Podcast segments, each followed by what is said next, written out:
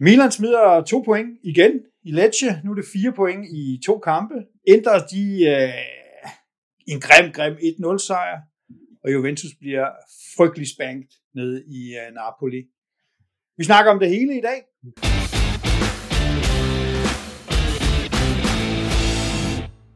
Velkommen tilbage. Sagde jo vi nærmer sig næsten halvvejs nu, øh, og øh, vi tænkte, vi jo lige stikke hovederne sammen og snakke om det, selvom øh, runde 18 er midt i gang. Og vi kan jo ikke, vi kan ikke starte andre steder end med den kamp, som alle, alle snakker om. Ikke? Hipsterholdet over dem alle sammen, som får tre super vigtige point mod deres direkte rivaler. Øh, Monza vinder 2-3 ude mod Cremonese. Var der også den, I tænkte på? Ja, ja. ja. Præcis. Er der nogen, der så den? Hele. På livescore. Øh, Okay, på livescore, ja, det var sådan, det er direkte på livescore, det er næsten ligesom at være på stadion. Ja. Øh, nej, de der er ved at få gang i den, Monza, altså, de, de, eller det kunne have gået mange veje med den kamp, fordi Monza, de øh, var op 3-0 i starten af anden halvleg, og var inde på cruise control. Så kommer Cremonese tilbage, og det får lavet to mål, og i, jeg tror det er i næst sidste minut, eller sådan noget, så bliver den klæret på linjen, et hovedstød, som, øh, som bliver klæret på linjen, ellers skulle de have fået 3-3. Uh, Mm. Men det gjorde de ikke. Så nu er Cremonese isoleret i bunden, og har de ikke også uh, lige fået en ny træner, eller de i hvert fald fyret den gamle. Jo. der var lige nu er færdig. ikke? Ja. Så, uh, så det var det. Hvad siger I til Monza egentlig? Jamen, vi er jo glade øh, fra Inter siden på, at vi så var med til at sætte dem og Galliani i gang der i overtiden ved at lave et øh, dumt øh, selvmål til 2-2, eller hvad det var, det, det endte i. Den røg i hvert fald ind, og Galliani han lignede en, der var øh, 20 år og stod med de unge. Og øh, Det er rigtigt. man sad bare og ventede på, at det der yard, det ikke øh, hoppede ud af takt, og han var øh, i fuld vigør bagefter. Det var han heldigvis, men jeg synes Monza, de faktisk er, at øh, de startede skidt, ikke? Hvad taber de de Ja. første øh, 3-4 kampe eller sådan noget, og så er de øh, ellers stille og roligt fundet, fundet melodien efter deres øh, trænerskifter og har fået ham der Palladino ind. Øh, Inders kamp i, i Monza, der var i hvert fald ikke specielt, specielt nem. Øh, øh, må man sige, de spiller øh, frisk til, og øh, Mm. Har også fået lidt organisation ind i holdet, som var et problem der under den, den tidligere træner, så øh, ligger de nummer 11 eller sådan noget nu, jeg tror også, det var det, sådan, Jeg tror, det er nummer 11, ja. snakkede om inden, at de, de kunne godt ende med at ende der i, i midten af rækken. Øh, så det, øh, det ser spændende ud. Men det er jo klart, når de har en motivator som Berlusconi, som lokker med at komme med en bus fuld af luder til organisationen, hvis, altså, hvis det går godt, så, Ja. ja. så, så må det give en reaktion et eller andet sted. Ikke? Øh, hvad det- det er en var anderledes de skulle, klub. Ja, de skulle, de skulle slå en af de tre store, ikke? De skulle slå en af skulle Monza skulle for- slå Milan for- og, og Inter, ja. Så, Skal slå dem? øh, så vil den komme. og Juventus. Skulle de slå dem alle sammen, Ja. eller hvad? Eller skulle de bare slå en af dem? Ja, det, det bliver jeg lige svar skyldig om, men... men øh, Okay. Fordi vi har jo Monster to gange i løbet af de næste ja. 14 dage, så, så det kan da være, at, øh, at han skal til at cash ind på den der bus. Øh, Jamen, det kan da godt være, at han skal ringe til et eller andet selskab. Jeg Ja, så det også hans øh, noget. Berlusconis øh, mannequin-dukke af en kone eller kæreste, eller hvad er hun, Brian? Hende der øh, papmaché Hun er da faktisk øh, medlem af parlamentet, jo. Øj, hun var også Ja, ja, rigtig parti god efter øh, Monza Inter-kampen, så hun fik lige på Instagram lagt et opslag op, hvor hun bare skrev Inter Waffan Kulo. det er nuanceret og smukt. Ja. Til det globale publikum, ikke? Godt opdraget. Ja, ja, ja. ja. Nej, men det er, det er en fin steam, de har gang i, det der Monza Plastikklubben der, som, øh, som Men- jo... Vi, vi, vi kan jo sige med den, lige nu, de, de ser ud til at overleve, ikke? Det, det, er jo, det er jo en klub, man har en holdning til. Det er en klub, man, man kan grine af, og man kan latterliggøre, og man kan synes at røvelændig på mange måder, men man har en holdning til den. Og er det egentlig et eller andet sted ikke det, der er vigtigt i sådan en underholdningsindustri? Det er jo, at man på en eller anden måde danner en relation, god som dårlig, til sådan en klub. Vi snakker jo mindre om Cremonese for eksempel, der er Spezia og andre sådan nogle hul. Nå ja, de er kønne og sådan, ikke? Men vi har ikke noget forhold til det. Monza, men så er det klub, man elsker at have, ellers så elsker man det bare, ikke? ja, jeg, tænker, at deres strategi er lidt kortvarig i den forstand, at de to lederfigurer, de er, skal vi bare sige, slutningen af deres karriere. Uh, de er jo fucking 80'erne begge to, ikke? Jo. Uh, Og det er jo, om fem år, så er det ikke sikkert, at vi hører noget til Monza Nej. mere. Men øh, indtil videre, så er festen jo ret sjov, ikke? Ja, lige præcis. Og øh, vi, Juventus har vi jo glæden af dem allerede her på onsdag. Eller er det torsdag? Jeg kan ikke huske. Det er i hvert fald i midtuge, mens I spiller Copa, Supercopa. Så, mm. øh, så det, bliver, det bliver interessant at se.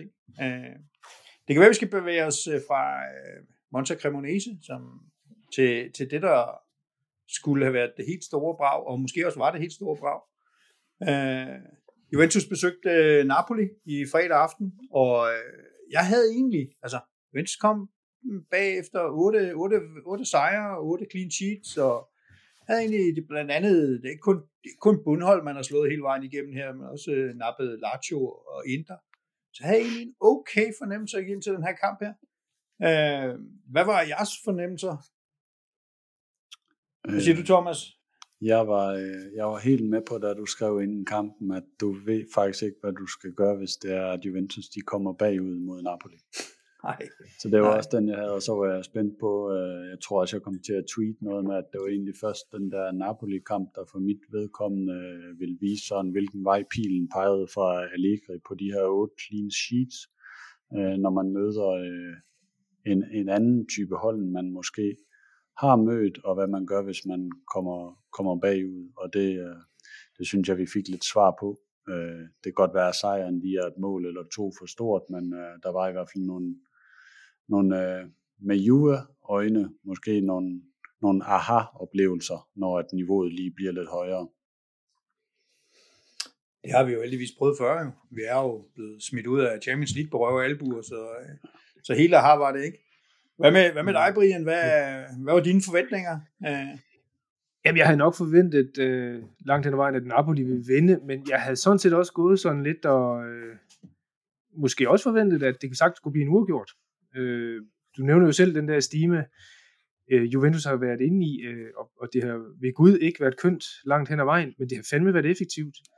Og øh, jeg- jeg så sådan set en kamp, hvor jeg synes, øh, at, at Napoli selvfølgelig spillede en perfekt kamp og var bedst, men jeg synes også, de fik lov til meget af Juventus. Altså jeg synes jo, Juventus' forsvar pff, et eller andet sted kollapsede. Altså der var ekstremt mange personlige fejl fra Bremer specielt, som jeg ikke har set rigtig øh, før. Altså han spillede jo noget bedre imod Inter for eksempel. Og, Ja. alle de 17 kampe inden. Ja, og det, det, det synes jeg, at jeg synes, øh, de, Juventus havde, havde tabt den kamp. Det, det, det tror jeg godt, man kan sige. Men det behøver sikkert have været med den her oplevelse med, at man blev kørt ud på, på alvor. Der, der synes jeg, øh, Juventus hjalp øh, Napoli hen ad vejen der.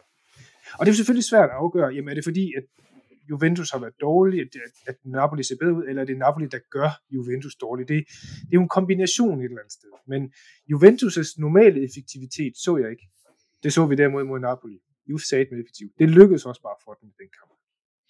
Ja, altså det var, øh, det var øh, jeg, har, jeg har jo en del takeaways for det der. Uh, uh, men altså, jeg synes jo, at uh, for det første så, så vi Juventus møde et rigtigt europæisk klassehold. Altså, Napoli er saksus med gode i den her sæson.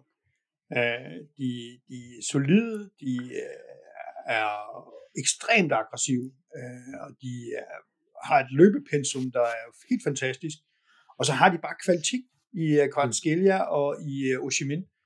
Uh, det er jo det kan jo give folk uh, meget de der to gutter der. Altså de, er, de var virkelig, virkelig gode, og, og, men, men alle de andre beholdet gjorde også deres del til det. Ikke? Uh, så, så der fik vi ligesom, jeg ved ikke om afstanden nødvendigvis er 5-1, som vi også har været inde på, men, men der er i hvert fald en helt klar afstand. Og jeg havde det jo faktisk sådan, fordi det vidste jeg, jeg vidste jo godt, at Napoli ville komme, og de ville styre kampen, og alt det der ting der, med, gik de første, første kvarter eller sådan noget, tænkte jeg, jeg var egentlig ikke specielt bekymret. Jeg synes ikke, de spillede sig frem til særlig meget. Jeg synes, det gik ligesom det plejer at gå. Juventus stod enormt solidt, øh, meget, meget dybt. Øh, det, der bekymrede mig, det var, at man stort set ikke var over midten. Altså, men det har jeg jo set før, og så tænker jeg, okay, men det, det er først i anden halvleg, vi skal over midten, for vi skal score sent, sådan, så vi kan vinde. Men, øh, men så får de jo hul på bylden, Napoli. Øh, en kombination af, af, af, af forsvars øh, fadæser fra øh, McKinney og Chiesa. To folk, som, som ikke bør befinde sig i den der fase, og som til sammen beslutter sig for at lade Kvartskelia stå helt fri. Så afslutter han sådan lidt forkølet ned i jorden. Øh, og Chesney tager den, men parerer den direkte ud i panden på, øh, på Oshimen, som jo så hætter den stensikkert ind. Og det, altså, det er jo ikke fordi, det var deres 8. chance eller noget i den stil. Det var deres første store chance, og den klapper de bare ind. Hvilket jo også er kvalitet. Altså, det med, at man faktisk udnytter sine chancer, og man er det rigtige sted, og så videre, ikke? Men det der kunne have gået mange andre steder hen. Og så er vi tilbage til det, som Thomas og jeg også skrev om på Twitter og snakkede om her i starten, at Juventus er altså lidt i problemer, når man kommer bagud, fordi det er ikke, det er ikke et hold, der kan gå frem og styre spillet og så videre. Så derfor så tror jeg, at man gjorde det samme. Man blev ved med at stå i sin dybe funktion, tænkte, så må vi jo øh, få det der kontramål, og så gå herfra med 1-1. Øh, og og øh, så, så kommer den der høje bold, som øh, Bremer vælger at, at, at, at ligge for fødderne af Oshimin med ballen, eller hvad det var for noget. Det var jo helt øh, grotesk øh, forsvarsspil, og Oshimin kan bare trille den ind til Kvartskelia 2-0. Og så ændrer kampen sig, fordi nu står der 2-0, nu er Juventus nødt til at gå frem, man skifter også til et, øh, sådan et, et forkølet 4-3-3, man lægger Chiesa fra at være vingbak helt over til at være i højre side til at være, at være øh, ving i venstre side. Øh, og det får skabt lidt uro. Vi, vi presser dem en lille smule det sidste kvarter, og får lavet et mål, og Chiesa er meget, meget tæt på at, at, at få den til 2-2. Der Ramani, han øh, af, lige rammer bolden på vej ind mod mål, og, og, og Merit laver en helt utrolig redning. Ikke? Altså, det er virkelig, virkelig godt lavet. Øhm, og så gik man ind til pausen, hvor man tænkte, det her det kan godt, du ved, der er lidt momentum i Juventus og, og så videre. Og så kommer man ud, og så er det bare helt utroligt. Altså, der må man bare sige, det, det er også en af de steder, hvor jeg ser forskellen, når man kommer ud efter pausen. Juventus er sådan øh, utrolig afslappet, skal ned og stå, ikke noget hast, ingenting. Og Napoli bare fuld power igen. Det her det er årets kamp. Nu skal vi med vise dem fuld power i alle taklinger, fuld power i alle boldsituationer. Og så, og så får de et hjørnespark, et hjørnespark, som, som er sparket helt utroligt ringe, øh, så, den, øh, så den faktisk øh, triller, eller sådan glider forbi forreste mand. Der er ikke nogen Juventus-spillere igen, McKenny, der ikke gider at sparke den væk. Og så Ramani helt flugter den ind i hjørnet. Ikke? Altså, hvornår sker det også? Og så er den 3 og så, øh, så, så sker Juventus lidt frem, og så ved vi, ved vi hvad, der, hvad det koster, ikke? Men, men der hvor jeg siger, at Napoli er pissedygtige, for uden at de spiller jo godt, de har et fasttømret koncept, de er teknisk ja. gode, så har de, og du, du nævnte nemlig lidt over, det er det europæiske top, de har intensiteten. De spiller med meget, meget høj intensitet, de gør det. Ja. Og når jeg sådan lige prøver at kigge tilbage på øh, Napoli imod vores tre klubber, eller top 4, kan man sige, ikke?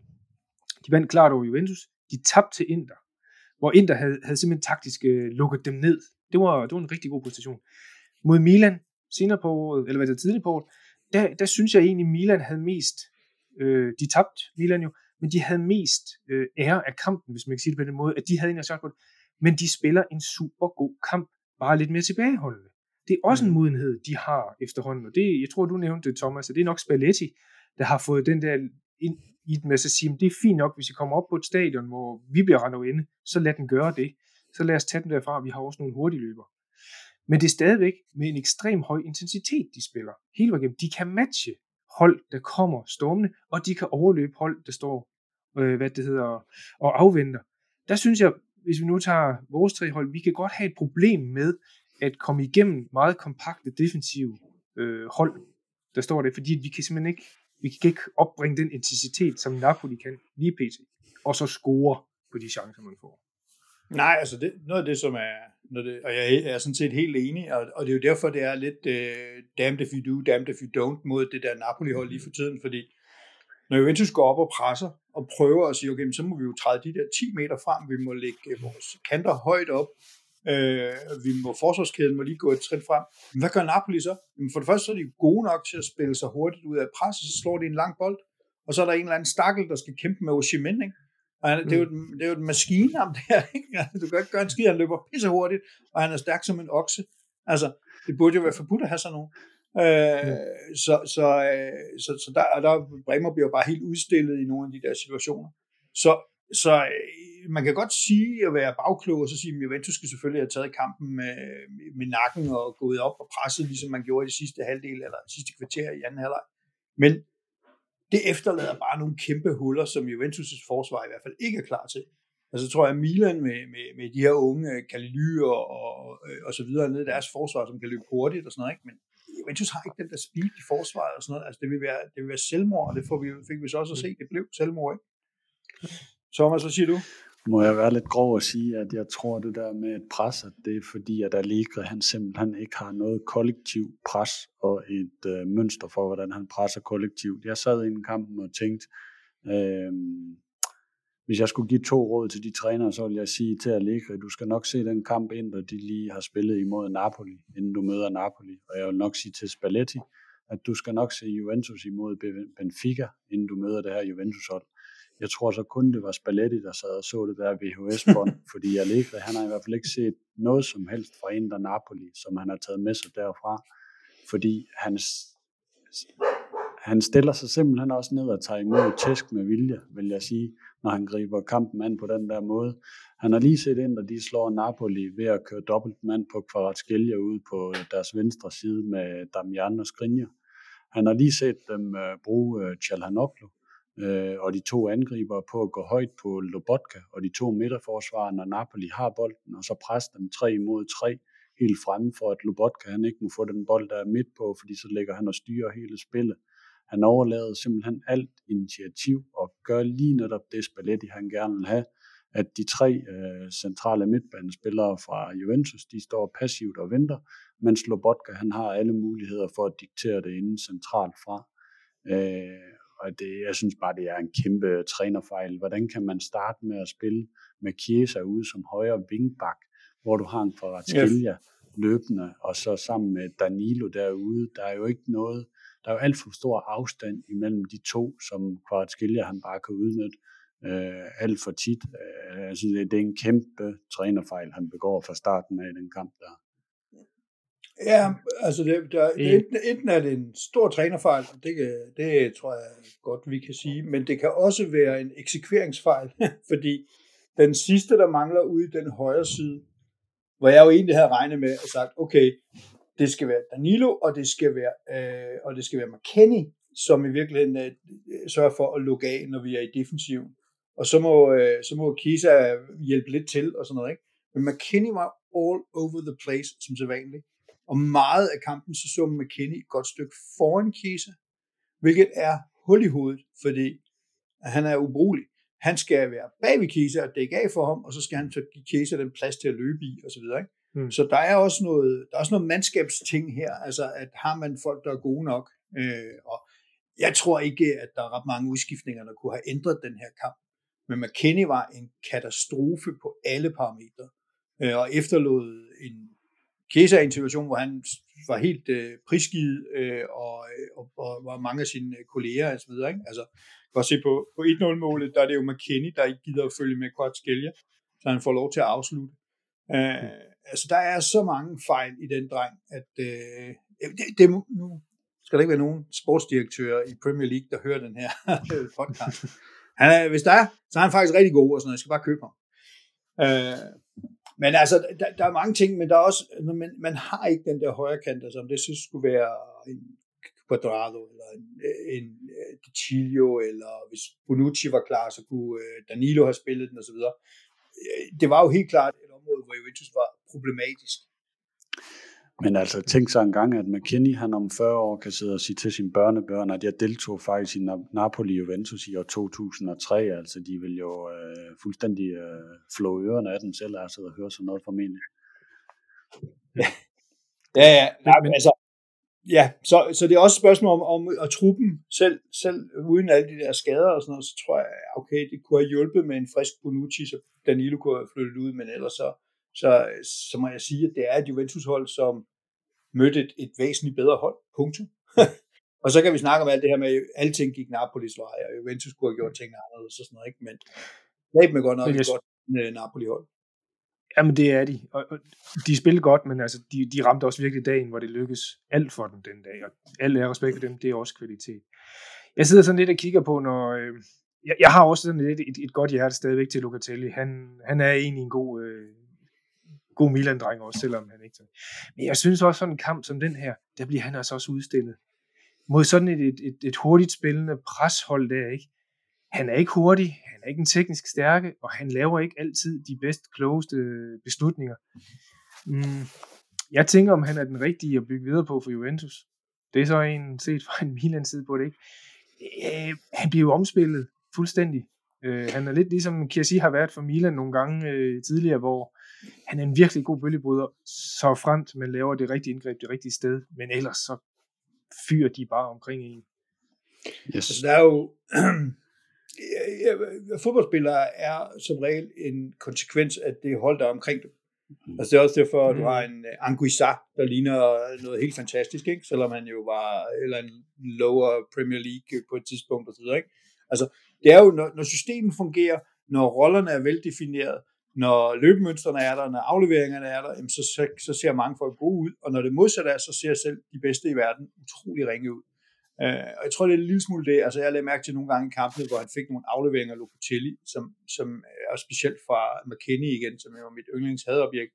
og man bare tænker, hvad fanden forestiller du, at han skal gøre med den bold? Altså, der står to mand klar til at overfalde ham. Øh, så, så ja, men på den anden side, ja, Locatelli, jeg synes måske også, han har været lidt skuffende, i, eller han har været skuffende også i andre kampe end den her.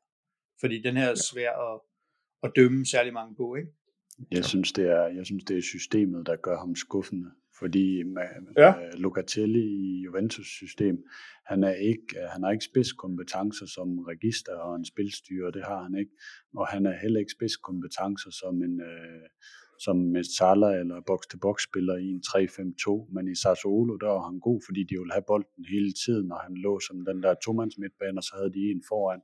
Og der var han faktisk ja. god som, øh, som otter, fordi at de også spillede langs jorden hele tiden og, og pressede højt og satte bolden på spil og sådan noget. Jeg, tror, jeg synes bare, det er systemet, øh, der, der hæmmer hans kvaliteter. Ja, ja altså mm. det kan man jo godt sige, men man kan også se, når man så sætter en parades ind, som lige er blevet verdensmester og fastmand på det italienske landshold og lang karriere i, øh, i PSG, jamen, så ligner han jo også en hund i spil kejler. Øh, og han har sådan den der lille ekstra øh, ting ud over Locatelli, at han så ikke gider at løbe med tilbage. Det gider Locatelli der trods alt godt ved ja, tiden, ja. indtil der er nogen, der stikker ham en stor arm i hovedet, og, og så sender ham øh, direkte i gulv. Ja. Øh, men ja, der, jeg synes jo, man kan, man kan, man kan øh, snakke og undskylde, og man kan gøre alle mulige ting og off-dag og sådan noget. Jeg synes, der, der, der er sådan set to ting, som, som var virkelig, virkelig øh, sådan øh, markører for mig, hvor klar Napoli var til den kamp fra første sekund. Mm. Altså, det, det var ligesom om, at du havde nogen, der var fuld power på intensitet og på energi, og så et andet hold, som lundede lidt rundt og tænkte, okay, men altså, nu ser vi ikke, vi kan lige du ved, tage det stille og roligt. Og, og det gør altså en forskel. Øh, og så kvaliteten. Altså, øh, der er jo en, en grund til, at øh, Oshimen koster 10 gange så meget som øh, Milik. Øh, det tror jeg egentlig er en meget god målstok for forskellen på de to herrer. Altså, så koster han ikke kæft, næsten det samme som Vlaovic? Jo, men øh, Vlaovic han har fået en skade i sin dyske til synligheden. Ja. Nå, men det var også bare en sammenligning sæsonsmæssigt. Som, øh... Han er jo skadet, Brian. Ja, det, det kan jeg godt høre, men han har jo totalt spillet øh, nogle Nu var det ikke ret længe, før vi skal over og tale om jeres øh, belgier, vel? Så nej, nej. Men, øh, rolig nu. Keep, bring it on. Bring it on. Salad maker, han, han er altid en god, øh, god snak værd. Ja, og så er der to andre. Ja, nej, men, men, men, men, nu, nu, nu, nu nævner du selv øh, en dyr spiller, det er jo rigtigt, men vi kan også bare tage lønniveau. Juventus kontra, kontra Napoli. Sådan der, ikke? Men det var og ikke det, der var min pointe. Min pointe var bare i virkeligheden en ros til Osimhen, og dermed også til Napoli for men, at hente men, ham, men, fordi jeg synes, han, jeg synes, han var totalt difference maker i den der kamp, altså som, som Lukaku i de år, hvor han var bedst og sådan noget, altså uh, unplayable, som man vil sige ja. i England, ikke? Det er rigtigt. Men jeg tror, det er lige så meget systemet her, Spalletti og i systemet i det, fordi der er jo, der er jo Oshimen, øh, og så er der jo Sydkorean Kim, der er kommet ind også, og, øh, og jeg kan simpelthen stadigvæk ikke udtale øh, Georgieren derovre, men han, han er simpelthen så forhåbentlig. Kvaratskhelia som jo også er kommet ind øh, og har bringer jo total kvalitet til det hold, det må man lade.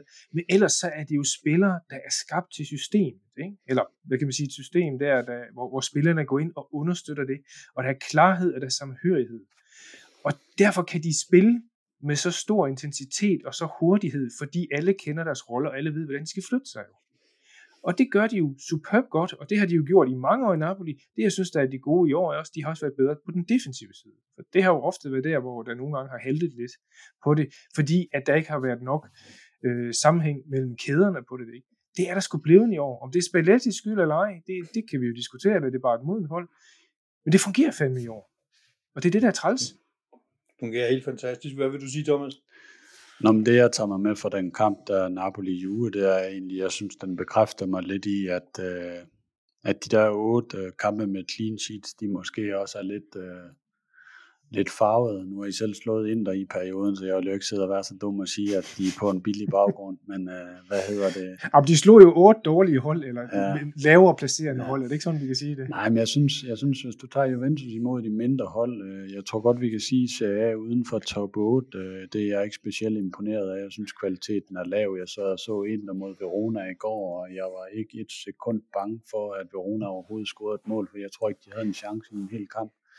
Øh, så jeg synes, man kan også nemt komme til at se forsvarsmæssigt godt ud imod de her hold, der simpelthen kan få lidt offensivt.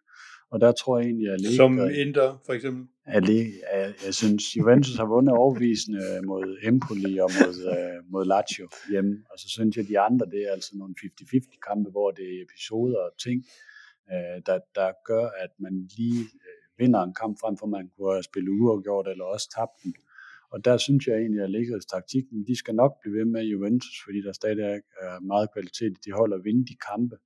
Men jeg synes ikke, Juventus ansigt for efteråret, når de taber 5 ud af 6 Champions League-kampe, og når de møder Milan i Milano og møder Napoli i Napoli, der synes jeg ikke, der er ret meget, der har ændret sig. Det er det, jeg tager med for den kamp. Jeg synes, man, øh, hvis man møder hold, der er bevægelige og spiller hurtigt og alt det der, øh, så, så tror jeg stadig, man vil have de samme problemer resten af foråret, som vi har set øh, i sæsonen mod, mod de hold.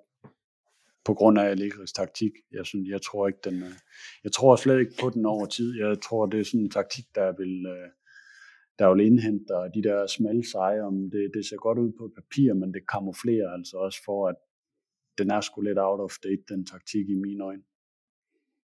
Men så er der jo ikke ja. andet at gøre end at forbyde det der med at spille hurtigt og være meget bevægelig. Det er, jo det er også en uting. Det må du indføre. Ja. Jeg, jeg deler fuldstændig din analyse, Thomas. Og så alligevel, så må vi konstatere, at Juventus ligger på en tredjeplads. Ikke? Altså, jeg, jeg tænker også på, hvordan, hvordan kan den her hummelbi flyve, fordi at det der er jo, jeg kan jo også godt sige, at det er held og det eller andet, og alligevel, så vinder de otte kampe i streg, så helt held kan, kan det nok ikke kunne være, og helt, de, de, de, de, de har et eller andet bund i det der. Og selvom noget af det måske er, er medgang af det, de ligger nummer tre. Nu var du ja. selv inde på det ganske kortvarigt. Der er jo også spyttet mange, mange, mange penge i det her. Uh, altså mm. ikke lige så mange penge, som vi engang gjorde, men der er spyttet mange penge i det her hold. Uh, der er nogle spillere med enormt høje lønninger, så, så, så, så selvfølgelig bør man også ligge uh, de der steder. Uh, jeg tror, jeg har været meget stor fortaler for Allegri og sådan noget, men jeg, jeg er nok også nødt til at efterhånden at hælde over mod, at det kan simpelthen ikke blive ved. Øh, Altså, der, der vi lige havde de der to års pause efter øh, ved ud til forhold for sig, og så kommer han tilbage, og så tænkte alle folk, nu kommer han tilbage med alle de ting, han Allegri kan, og så plus noget nyt spændende. Men, og, det, men det gør han jo ikke. Altså, der er intet nyt spændende. Øh, der er præcis det samme, og det, det, kan, det er nemt at være kritisk over for Allegri og slå på Allegri, fordi jeg er lidt usikker på, hvad man ellers skulle gøre. Men jeg tror, Juventus som sådan skal benytte sig af chancen på et tidspunkt, gerne til sommer, og så sige, nu bliver vi simpelthen nødt til at prøve igen. Det kan godt være, at det ikke skal være en Sarri, skal det nok ikke, øh, men, eller, eller, eller en Pirlo, men det skal være en eller anden, som er nødt til at flytte det her hold, når nogle af de gamle gutter kommer ud. Fordi, altså, så hvis du, hvis du ønsker at spille på den her måde, så kan det godt være, at du over tid og med de heldigste ting, og hvis Napoli ikke bliver med at køre i det her tempo osv., så, så kan det godt være, at du ender med at få et italiensk mesterskab. Men du vil altid blive udspillet i Europa. Du vil altid blive udspillet, hvis der er nogen, der har rigtig tur i den, som Napoli har lige nu. Fordi det er bare ikke, det er bare ikke øh, særlig effektivt. mm. øh, og, og, og, og så er det jo sådan set heller ikke øh, særlig publikumsvenligt, hvis vi skal være helt ærlige. Gamle øh, fantaster som mig bliver nok ved med at se det, men, men, men der kommer ikke mange nye til øh, med den her spillestil. Men det er også, men altså, det er også der, jeg synes, den, den halter, hvis man har fulgt med i europæisk fodbold øh, de sidste 7-8 år eller sådan noget. Sådan lidt karikeret kan man vel sige, at Atletico Madrid og pindsvinefodbold, den form for fodbold, den vinder bare mindre og mindre i de her år, fordi angrebsfodbold er blevet så øh, godt og så hurtigt og så uforudsigeligt, at det bare over tid vinder mere end, end at stille sig ned, så det er langt sværere at vinde på den måde der i dag, fordi det bare, det bare går stærkere. Jeg synes, Juventus, det, det står og falder lidt med nogle enkeltmands præstationer, og at Di Maria, han skal have noget holdbarhed, fordi vi må også, vi må også lige rose Juventus, øh, nogle af deres spillere. Jeg synes, Di Maria var, var rigtig god i fredags. Øh, så hvis han kan holde, og Chiesa, hvis han hurtigt kan, kan finde topform, man kunne se, da han kom ud på den venstre side, der at øh, han, han har altså ikke glemt, hvordan man dribler og sætter folk af. Altså, hvis de to de øh, finder melodien der, så er der stadigvæk der kommer Juventus stadig til at lave rigtig mange point det her forår, det er jeg ikke i tvivl om. Og det, og det helt store strategiske problem er jo det her, som Juventus har stået i flere gange, som er at sige, skal man, skal man commit sig til det her med at skifte? Altså, fordi alle kan jo se, at det her er et problematisk ting. Eller skal man tro på en Allegri, som kommer og siger, nu lukker jeg først helt af, og så bevæger vi os langsomt fremad, og så på et tidspunkt kommer der en spillestil og sådan noget. Øh, jeg tror, man bliver nødt til at rive plasteret af, og jeg tror, man bliver nødt til at gøre det til sommer, uanset hvad. Men, øh, og det kan også, nu, nu skal jo have en ny bestyrelse, jo skal også have en ny sportsdirektør, og hele taget en ny sportslig ledelse, og det kunne være en god idé at tage nogen ind, som så også siger, at jeg skal bruge min egen mand. Øh, plus at Allegri jo har været øh, Andrea Agnellis øh, projekt, og Andrea Agnelli er der som bekendt ikke længere. Så, så, så må ikke øh, skriften står på væggen der, men, men det kan godt koste Juventus et år, hvor man så ikke bliver i top 4. Altså, hvis man skal lige pludselig overspille måske sådan noget øh, 4-2-3-1, øh, øh, som kunne være charmerende fodbold og fremadrettet og, og så videre, eller 4-3-3, eller hvad man nu har lyst til. Øh, for det første så skal man købe ind efter det. Øh, der, der er mange mangler. For eksempel så har vi ikke nogen backs. Det er jo et godt sted at starte. Mm. øh, men øh, men øh, så, så der, der, der er mange ting, der mangler, men man bliver nødt til at gøre det. Altså, det kan godt være, at man kan hive sig ind i en top 4 i år på det her pinsvine halløj. Men hvis ikke det bliver dramatisk meget bedre, når når Bonucci og Quadrado og Pogba og Vlaovic er tilbage, så må man nok også sige slutbrudt. Altså, så kunne øh, selv øh, øh, Mads Juncker kunne træne dem til en fjerdeplads, ikke? Ej, det er faktisk ikke helt sikker på. Sorry. Sorry, Juventus. Fik, uh... Ubegrundet optimisme. ja. ja, præcis. Præcis. Er der flere ting at vende om det her andet end, andet end selvfølgelig bare at sige, at øh, ja, nu har vi talt meget om Juventus shortcomings, øh, men, men, men øh, Napoli, det er da helt fantastisk, og det bliver faktisk meget, meget interessant at se, hvad de kan i Europa. Hvis de, mm. kan, hvis de kan fyre den her raket af hver gang på hjemmebane, så er der mange hold, der får problemer. Øh, ikke lige så store problemer som Juventus, og ikke alle, der er lige så dumme og, og har manglende spillestil, men der er mange, der får problemer de har Frankfurt i den der 8. finale, den er jeg helt sikker på, at den, øh, den kommer de videre fra, så øh, de kan sagtens, ja. øh, de kan sagtens bide, bide skære, om de bider skære med de helt store på udebane, der er lidt i tvivl stadigvæk, men ellers så, ja. Så, øh, så der, der er altså hverken Manchester City eller Paris eller Real Madrid, eller de hold der, de, de står altså ikke og drømmer om at komme en tur til Napoli, det tror jeg ikke. Mm. Hvis vi kigger lidt på Scudettoen, så, øh, så sad jeg så med den der fornemmelse efter, efter hvad det hedder, Napolis øh, vivlvind, hvad der.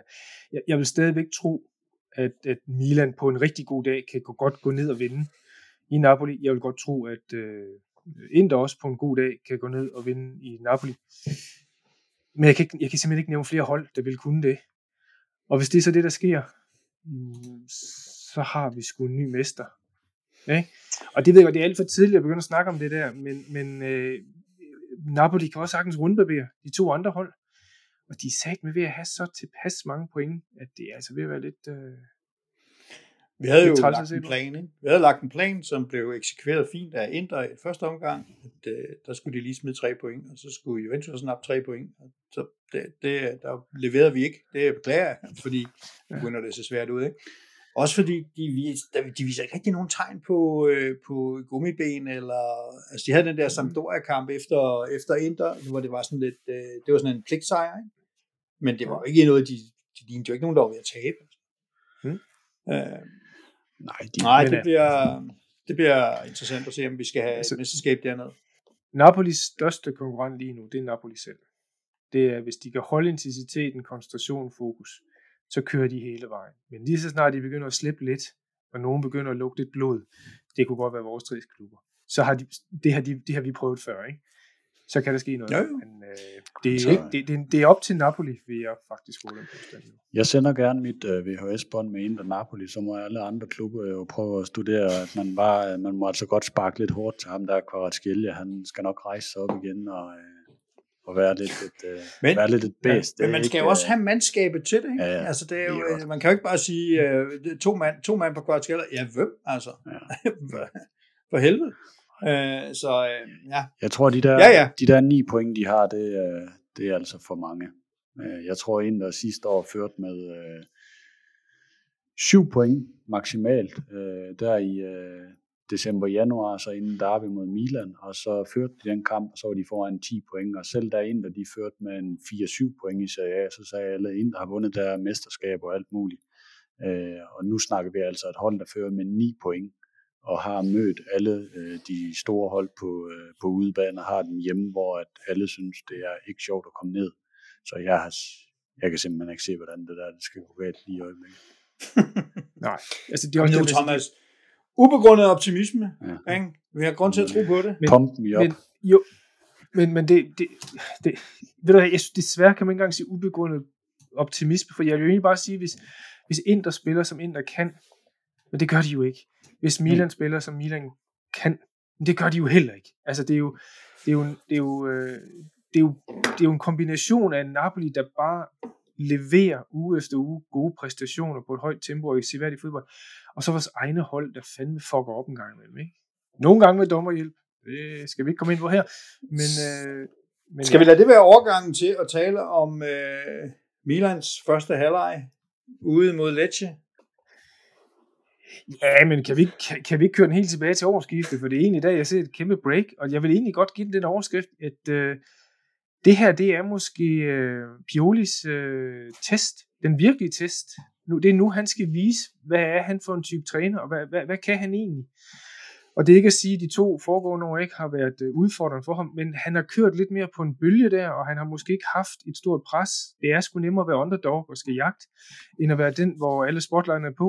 Det, det har I jo selv nævnt flere gange, ikke? Og det er de sgu på, øh, på Milan nu. Øh, like it or not, de er mestre, og derfor er der også en favoritværdighed, der tilfælder dem. Det lever de fanden gale med ikke op til her efter øh, nytår, som I slet ikke. Hvis man skal sige, at den ene gode ting, det er, de har jo ikke tabt i ligaen efter. Øh, de har så spillet to gange uafgjort, som har følt som, som, som, som nederlag, kort og. Ja. De tabte til Torino i, i Copaen.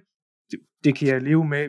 Man kan jo undre sig over, hvorfor de ikke kan, kan slå et, et midterhold øh, på det der. Men det, det kunne de ikke. Torino ville det mere, fair nok. Den er videre. Men øh, mod Roma, at man lukker et mål ind i sidste øje, øh, det kan være en tilfældighed, men det må ikke ske. Det må fucking ikke ske for et mesterhold. Og, og de har gode forsvarsspillere. Jeg synes, de sidder fuldstændig på den kamp, og så må det bare ikke komme ind. Og det er det, der lidt sker for Milan i den her tid. Det er jo fandme, at de, de, de, øh, de lukker mål ind til sidst. Det gjorde de så ikke med Lecce. Der valgte de så at gøre det til at starte med, for en gang skyld. Og Ja, fordi det er jo- Ja, Ja, altså det, fordi den der Roma-kamp, det kan jeg jo godt, altså der Milan styrer det hele, har alting, de har Roma nede i sækken, øh, 2-0, og så, og så får man sådan nogle freak øh, sidste syv minutter, eller hvor lang tid det var. Øh, det kan ske, det bør ikke ske, det må ikke ske, men det kan ske. Første halvleg mod Lecce, det må aldrig ske. Altså, hvad fanden sker der? De var jo øh, udspillet på røv og albu, og øh, Lecce kunne have lavet fire mål. Fuldstændig. Øh, og, og det, er jo- det, er jo, det er jo fandme svært, og jeg, jeg tror alle lidt leder efter øh, forklaringer og løsninger på, hvad der er galt. Men for mig at se, de er jo ikke nogen dårligere fodboldspillere, lige pludselig. De har jo der haft en pause, mange af dem. Så de er jo ikke sådan, de, de har glemt, hvordan de spiller fodbold. De har også trænet med det. Det må være et mentalt problem. Om det så er træthed, Øh, der mangler noget, der mangler intensitet, om der mangler gejst eller et eller andet. Det er svært at se, om man har øjnene frem mod Tottenham-kampene og Supercup, og at de der sådan, øh, to normale sådan indpisker, øh, Theo og, øh, og, og Giroud, de måske er lidt træt efter at have tabt en, en VM-finale og kommer hjem og puh, fodbold er måske også bare arbejde en gang imellem. Ikke?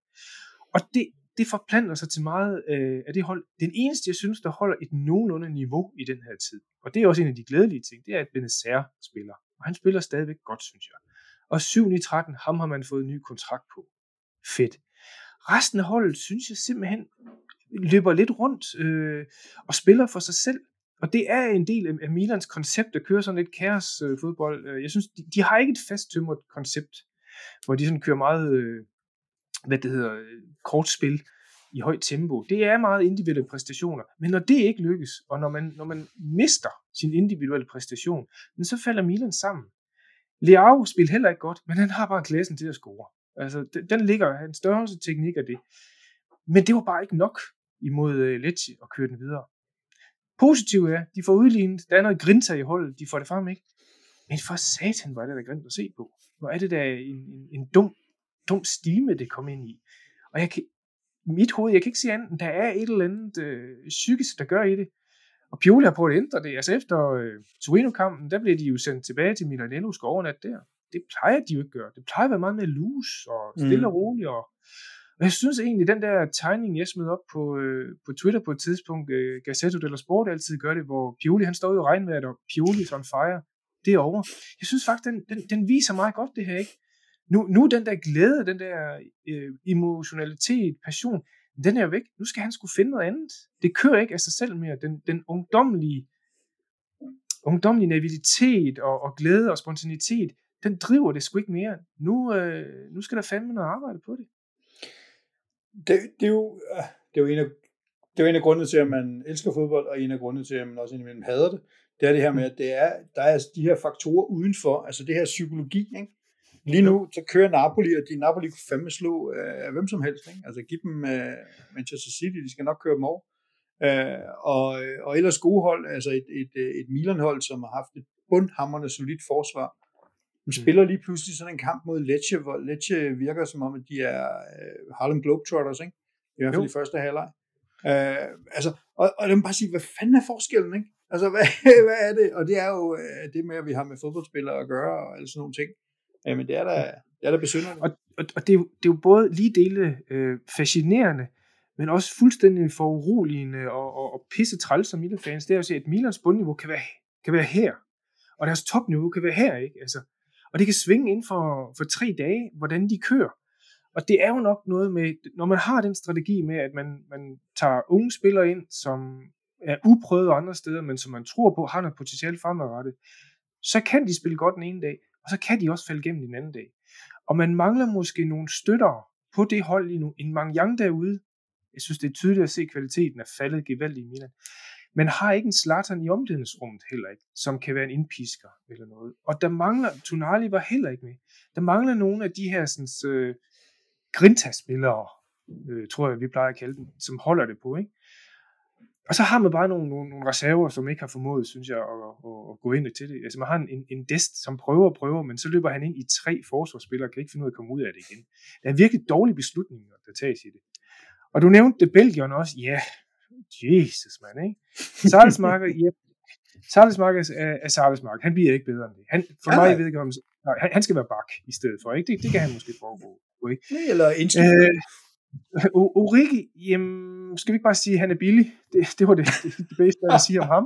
En transfer. Det, men, det, det minder, det skal jeg lige noget sige. Det minder mig altid, jeg hørte en podcast om Juventus, den her Napoli-kamp, og, så, og det var Juventus folk, ikke? og så spurgte, blev de så spurgt, hvad var så, hvad var så det? Kan I nævne noget, en ting godt for den her kamp?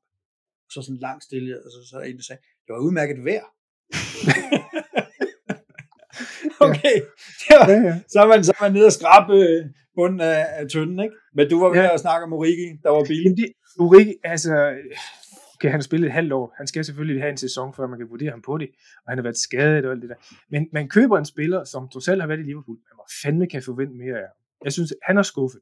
Øh, der var ikke nogen transfer på ham, så derfor så kan han også komme videre hurtigt, relativt på det. Så har vi jo de Kratzelere. Øh, og Og der synes jeg så stadigvæk, man skal give ham tid. Det er helt tydeligt, at han sådan rent fysisk, teknisk og, og, og positionsmæssigt er et kæmpe talent. Men mentalt set, så tror jeg ikke helt, han er klar til, øh, til professionel fodbold i CA, og jeg er nok blevet øh, stødt lidt på, hvor hårdt de egentlig går til hinanden der, og hvor lidt tid du egentlig har. Mm. Og nu leger jeg lige lommepsykolog. Jeg har intet at have det i, enten det, jeg sådan har øh, lidt livserfaring af det, ikke? Han er flyttet til Italien med sin mor, det. Jeg kunne godt forestille mig, at han er lidt en tryghedsfyr. Tænke, han skal lige have det godt det sted, hvor det ikke. Og der er altså bare pres på i, øh, i Milan, og der er altså bare kommet i gang, og der er en presse, der skriver, du er altså ret tæt på at være en fiasko, fordi du koster så så mange penge, og du har ikke scoret endnu. Er du virkelig en god fodboldspiller? Ikke? Altså, skulle du ikke lige finde et andet job måske i virkeligheden? Det er, det, det er fandme Thomas, der startede det rygte jo. Der var jo ingenting, ingen usikkerhed omkring det Kettelater, indtil Thomas begyndte med det, sit spam. Præcis. Og så er der mange andre podcasts, der hopper med på den. Ikke? Og det, det er jo sådan, det er. Og det skal han skulle vente sig til. Det er så der, jeg kan have en lille bitte tvivl om, om det er, at han synes, det er sjovt at så spille sig sted af det. Eller det er bare i virkeligheden var sjovere at spille i Belgien på det. Om han har det, der skal til mentalt at tage skridtet op og så blive, som jeg tror stadigvæk, han kan blive en klassespiller. Han har teknikken, han har fysikken, han har overblikket det på det. Men om det er nok til Belgien, eller det er også er i, øh, i, i Serie A, hvor øh, hvis han skal med på holdet, så vil Milan jo have possession og skal styre det spil, og så er der altså bare seks forsvarsspillere, der står over for en. Det har han ikke formået at knække endnu. Men det er jo heller ikke værre, end han har jo haft to på, to på stolpen. Havde han scoret en af dem, kunne det være, at det havde givet noget helt andet. Få noget selvtillid, få noget overskud af det. Må vi se. Men, men der, er, der er meget, meget lidt tålmodighed med sådan noget der jo det er jo formentlig en af trænerstabens allervigtigste opgaver, det her psykologi, ikke? Altså at, og, og, og styre ham, og vi så også, ja. bare, bare for at dreje alting tilbage på Juventus igen, endnu en gang, men efter den her kamp, så, så er Danilo jo ude og så siger, bøjer, da vi har vundet 8 i streg, der var vi ikke fantastiske, og nu har vi tabt den her 5-1, og det betyder heller ikke, at vi er skrækkelige. Altså, nogen, der lige kan balancere tingene ud, og, og tage det der enorme hysteri, som er i, i, i presse og, og tilskuerrækkerne, tage det lidt øh, af skuldrene på folk. Ja. Thomas, hvad, hvad siger du om det der Milan-hold? Havde du glæden af at se uh, Lecce-kampen? Det havde jeg. Uh, lige blandt noget uh, madlavning og noget stikflæsk med persillesauce og sådan noget, så det var ikke, uh. uh, jeg fik ikke lige 90 minutter uh, hardcore med, men det meste af det.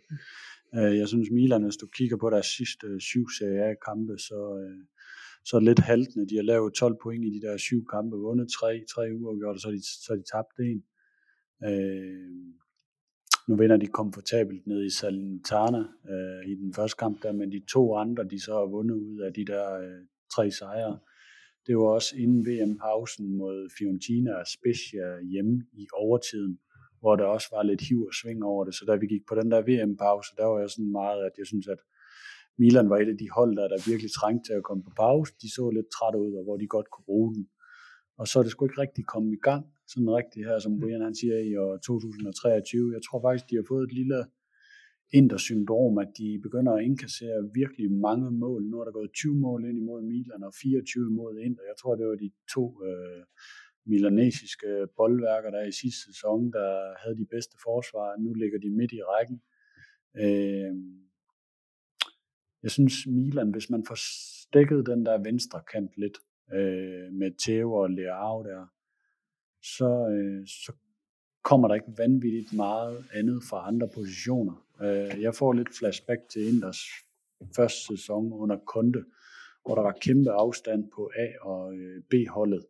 Øh, Milans reserver synes jeg er lidt samme snak. Øh, du går lidt fra verdensklasse på nogle positioner til noget middelmådighed, altså at du har Pobega ind i stedet for Tonali. Det er jo som at gå fra øh, det ene til det andet, ja, og Tata Rosano i stedet mm. for Manjang. Øh, så de har de der bærende, hvor nogle af dem begynder at se lidt træt ud, Giroud og Theo lidt efter VM, og så har man bare brug for, at man har nogle reserver, man kan, man kan sætte ind, øh, og som slår til. Og jeg synes godt, man kan være lidt grov og sige, ud af de der øh, 6-7 indkøb, Milan har lavet, hvem af dem øh, er, er kommet ind og gjort lidt en forskel og løftet lidt niveau i forhold til sidste sæson. Jeg synes jo ikke rigtigt, der er nogen af dem, man kan sige det om. Jamen, det er faktisk desværre helt enig med dig i. der er ikke nogen, der har løftet det, og jeg tror heller ikke engang nødvendigvis på, på træningsbanen, altså kvalitet, intensitet derude, at de er med til at presse de andre. Øh, jeg, igen, Katalar, han bliver jo rost, for øh, han, han kan noget med en bold og alt det der. Det. Og det er jo meget fint, men det skal han jo for helvede vise, og det skal han vise under pres på det. Ikke? Øh, hvis, hvis vi skal tale positivt om det, så kan man sige, at man har nok købt lidt til fremtiden, men, men, men fremtiden starter sgu ved næste kamp, og der skal man jo allerede begynde at lægge på der. Det skal, det skal ikke være, at vi køber ind til næste år. Og det er der, jeg tror, at øh, Milans øh, strategi også godt kan have sin fejl. Det er, at, at du, kan ikke, du kan ikke Øh, hvis jeg må bruge et, et, et øh, John Lennon øh, hvad det hedder, citat her, ikke? Life is happen when you're busy making plans. Ikke? Altså, Milan er rigtig god til at tænke fremad, men, men de skal sgu også have fokus på den næste kamp der på det. Og der er de bare mega sårbare, hvis, hvis de bærende spillere kommer ud. Jeg, jeg, jeg deler også hele analysen af, at Milan har et øh, virkelig, virkelig dygtigt øh, angrebspunkt, og det er den venstre side. Og så har de Tonali, som kan være med til at presse på og balancere lidt øh, med indlæg til, til Rueland. Resten er jo tandløst. Altså den, den højre side, jeg ved ikke, hvor mange gange vi har snakket om den, og vi kommer til at snakke om den resten af sæsonen også. Ikke? Den er decideret tandløst. Messias duer ikke, Alexis duer ikke. Og hvis Milan skal flytte sig på noget der, så skal de have en kvalitetsspiller der. Og det er ikke en eller anden 18-årig fra Bundesligaen, som har et talent. Det, det skal være en eller anden, som fangame kan sætte ind af, hvis de vil fremad. Medmindre de egentlig bare vil køre stilen som sådan. Øhm, og ja, jeg ved sgu snart ikke, hvad man skal sige mere om den der. Det, øh, nej, nej. Det, det, det, det er jo et hold, der, det er et hold, der kan spille fodbold, men der, der simpelthen bare har mistet tændingen lige nu, på en eller anden måde. Og det, og det er jo der, jeg mener, at, at uh, Pioli, det er her, han skal ind og lave hans trænerarbejde på det, fordi taktikken har jo ikke ændret sig. De skal simpelthen have, have vækket den der gejst og gnist igen på den. Det kan være, at en kamp mod Inter hjælper på det. Det, uh, det, det kan godt være, at nu, nu har de prøvet nogle af de store kampe, og de skal lukke lidt savsmuld. Nu, nu var jeg jo hård ved dem og fokuseret udelukkende på den der første halvleg der, fordi den var så vild. Men øh, de kommer Ulrik, tilbage i anden halvleg. Du var faktisk ikke hård ved den. Jeg synes faktisk, nej, det er præcis på det. Jeg, du, du skulle have hørt, hvad min søn og jeg råbte til den der inden. Det var... Det, det, det, vi har snakket om, man kan tabe til et bedre hold. Det må man acceptere, det ja. der sport. Man må aldrig tabe til sig selv. Og det gjorde Milan jo der, ikke? Altså, de, de var jo engang flok hovedløse høns, der løb rundt der, ikke? Men anden øh, halvleg får de jo lagt et solidt, vedvarende tryk som giver det der lavmål, som målmanden skal have. Altså, man ikke blive sparket ind, mm. det er for helvede. Men ikke desto mindre, så gør han det. Øh, og et rigtig godt mål. Øh, og, og, så, øh, og så får man også 2-2. Og jeg var faktisk, da, de, da den kom på 2-2, tænker jeg, at den her, den napper Milan. Fordi mm. der er bare monstertryk på. Men jeg synes ikke, man havde ikke lige det sidste power til at, at trykke den helt ned, vel?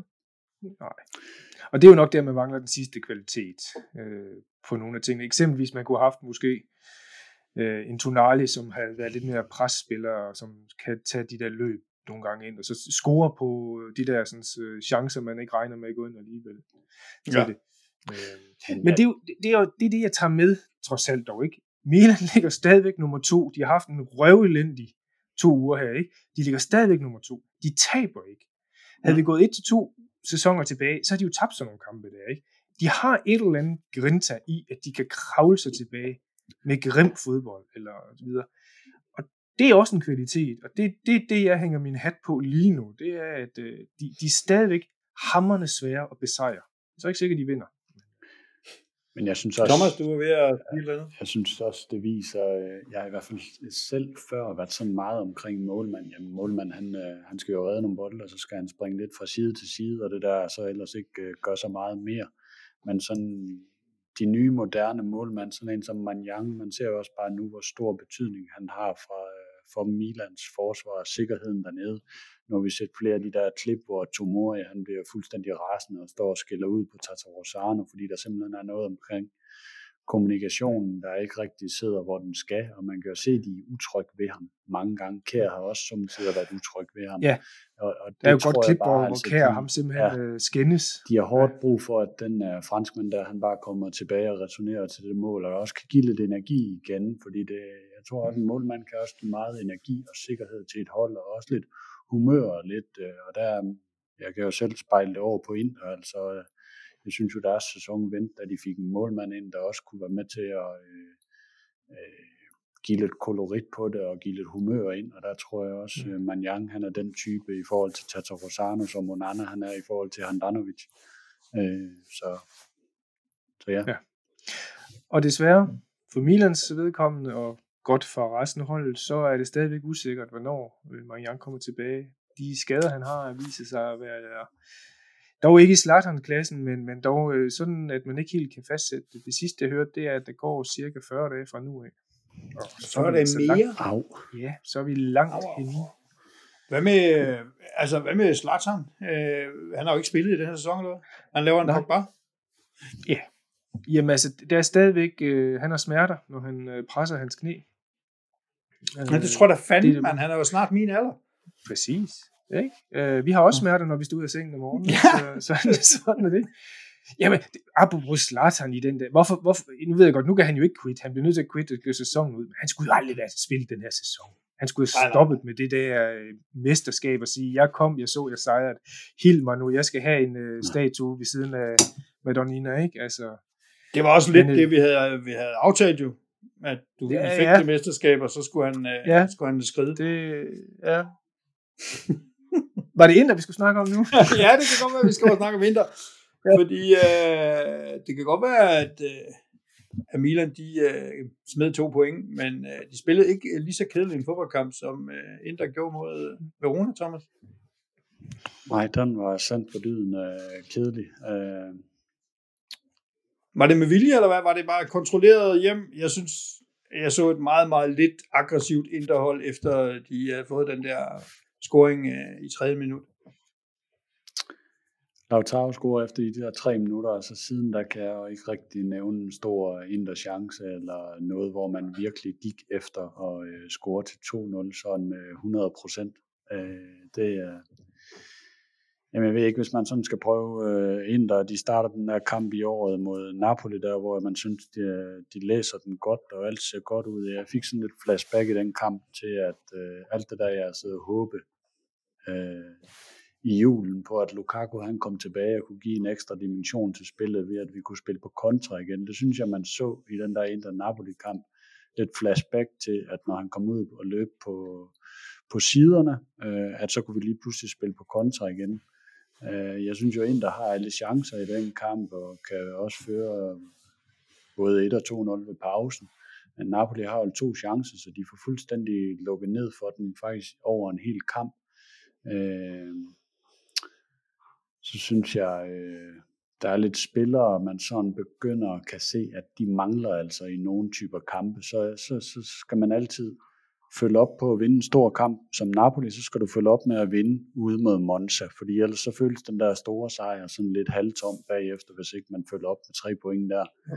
Og det er bare sådan sangen og mindre i den her sæson, at det er lidt haltende, lige når man tror, nu, nu rammer vi det, nu har vi steam, så er der lige pludselig nogle individuelle fejl igen øh, som man også ser i den der Monza-kamp, og så øh, er det sådan lidt et skridt frem med Lukaku, og så to, to kampe tilbage, når vi ser den der Monza-kamp, han bliver skiftet ind, og der mangler 30-35 minutter. Øh, jeg tror, det er det ringeste indhop, jeg nogensinde har set af en spiller øh, i min tid. Øh, jeg fik flashback til den der Inter Empoli-kamp fra 2019 med ham brasilianeren Dalbert, der blev skiftet ind i sidste kvarter, og ved at koste den der Champions League kvalifikation på, øh, jeg, jeg aner ikke, hvad han en, en høn, der løb rundt uden hoved, og Lukaku var simpelthen det samme. Jeg tror, ja, det er ikke løgn, når jeg siger, at der var ikke en aktion, der lykkedes for ham overhovedet i den kamp. Enten at clear en bold yes. på stregen. Det var så ringe. Det er også interessant, ikke? Fordi Lukaku er jo ikke, det er jo ikke fordi, han er blevet 30 år ældre, siden han var der sidst. Øh, der har været nogle skadespauser og sådan noget, men det betyder også, det, det er igen sådan noget med, hvor meget betyder det her psykologi og pres, og er du i en positiv gænge, hvor det hele bare virker, alle berøringerne er rigtige, øh, alle, det hele klikker, eller er du et sted, et Juventus-sted, hvor ingenting klikker, og øh, alle dine berøringer ser ud som om, at du er 80 år, ikke? Ja, og så, det er virkelig, så sidder man og tænker lidt, den der kamp mod Monza, der er han ikke med fra start, og det tænkte alle sammen, men det er jo fordi, at øh, nu har han lige spillet den Napoli-kamp, og vi sparer ham lige, og vi skal også, der kommer mange kampe nu her, vi skal rotere lidt, og så finder man så ud af et par dage efter kampen, at han spiller faktisk egentlig ikke, fordi han faktisk er lidt småskadet, og var lidt småskadet også, da han blev skiftet ind, og så er det jo så, at han har den der... Øh, øh, en skade med noget betændelse omkring en scene i hans venstre knæ lige pludselig en ny type skade, der så gør, at han mm. er nødt til lige at tage en pause. Og så er han måske klar til Superkoppen, siger man, og nu her siger de så i dag, at han er ikke klar til Superkoppen heller ikke. Så det er sådan noget øh, øh, Pogba, Di Maria-agtigt, at ah, der skal lige en kamp mere til, og han er der måske ikke helt alligevel. Og jeg tror det, altså jeg håber på, at han kommer tilbage, fordi der er brug for, at han kommer tilbage. Men det bliver sådan noget, øh, det bliver sådan noget frem og tilbage, øh, og, og jeg sidder faktisk, man sidder bare og måske lidt frygter, men også det er næsten realistisk, at der er en skade, der dukker op lige omkring hjørnet, og så er det bare øh, en-to måneder, han er ude. Jeg, jeg tror, det bliver hakken. Øh, I Monza-kampen går Barella også ud med en skade, og Chalanoglu går ud med en skade.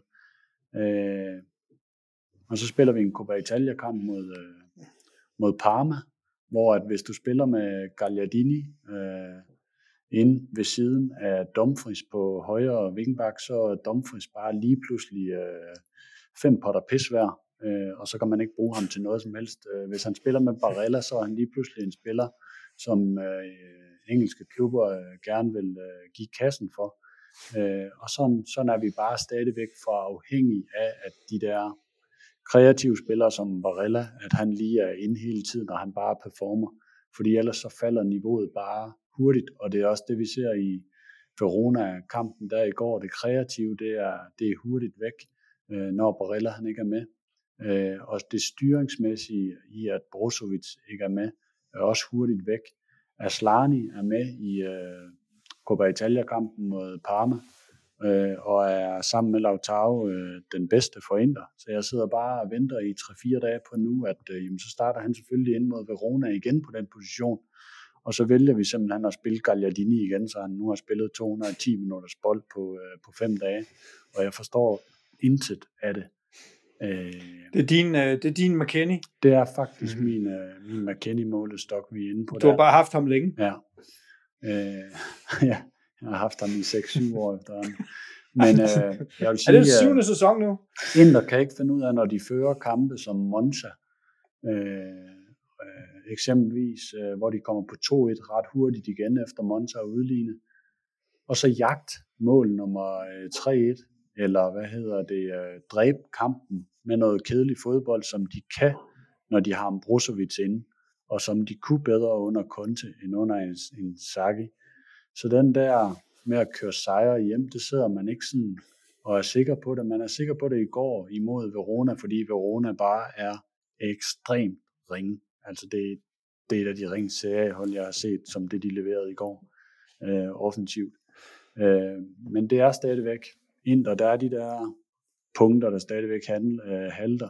Og man er nok bare nødt til at konstatere, at hvis de skal være stabile, så afhænger det bare af, at man har Brozovic, Chalanolio og Barella inde centralt, for at det virkelig spiller og ikke går for meget ud over holdet.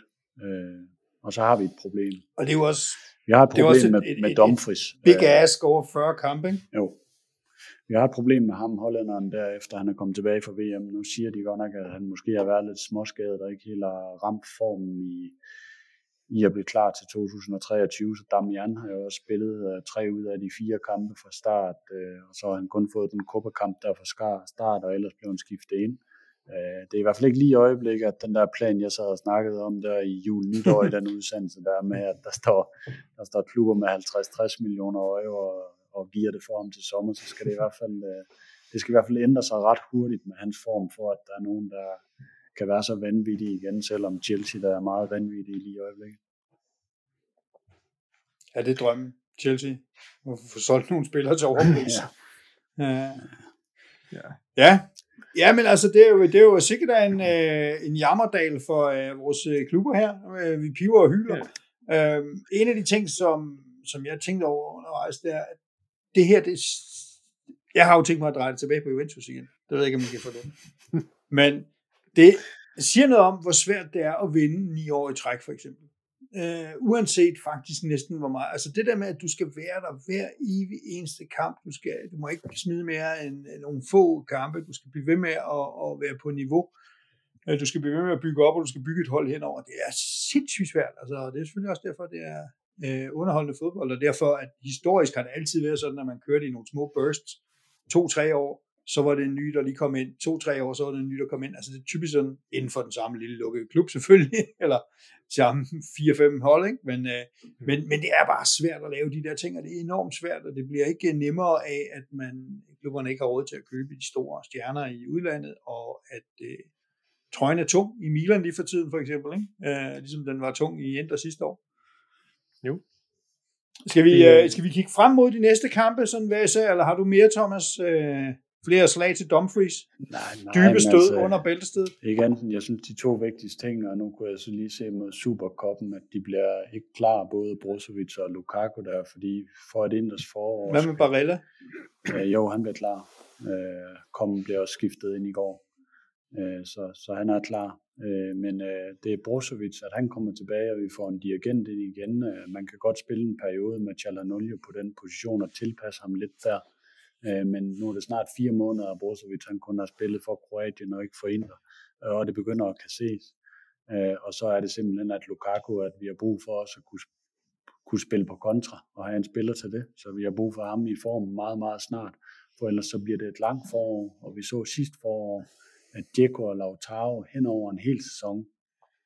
Nej, det, det, det holder ikke stabilt hele sæsonen. De har også deres udfald. Så øh, det er de to vigtige ting for Inter, det er at få dem klar. Jeg vil sige, at jeg sad og så øh, Inter, Lazio, øh, eller Inter og Verona-kampen der, og en af de ting, som jeg øh, tog med derfra, det er, Lautaro, han virker altså, øh, han virker skarp lige for tiden. Øh, jeg tror, at alle de der skæld ud, han fik øh, under VM øh, Argentina, det har, det har tændt noget ild.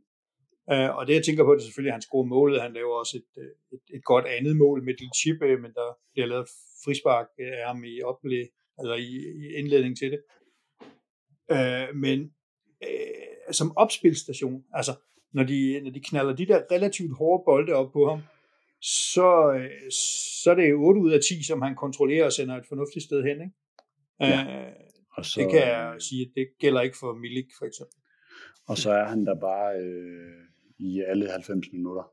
Øh, om det så ikke lige sidder i skabet for ham, så, øh, så presser han og arbejder han og sveder for holdet. Øh, jeg synes, de sidste tre kampe, der har han været øh, den bedste intermand i alle tre kampe, lige fra, øh, fra Monza til Parma og så Verona her. At, øh, at han er en, der, han er en, der øh, har lyst til at dø for trøjen, og det er der nogle andre, der Mm. mm. ikke lige virker til at, til at have i perioder. Der var, han havde et øh, hovedstød, øh, hvor han tager et helt vildt run ind i feltet, og øh, hvem andre end Gagliardini lægger en sukkerball lige øh, indtil i panden på ham, men så hætter han direkte på målmanden. Det var lige før jeg sad der og håbede på, at det blev et mål, bare for at jeg kunne håne dig og Gagliardini. Øh, Mm. øh, sådan en super aflevering. Det var godt lagt. Den lå helt rigtigt. Noget rigtig Beckhamsk. Ja, Ja. lige smak i panden. Nå, øh, vi har været rundt om øh, næsten alting, og vi har ikke selvfølgelig kigget på de kampe, der bliver spillet her i søndag, fordi det er faktisk i dag søndag, vi optager her øh, omkring frokost.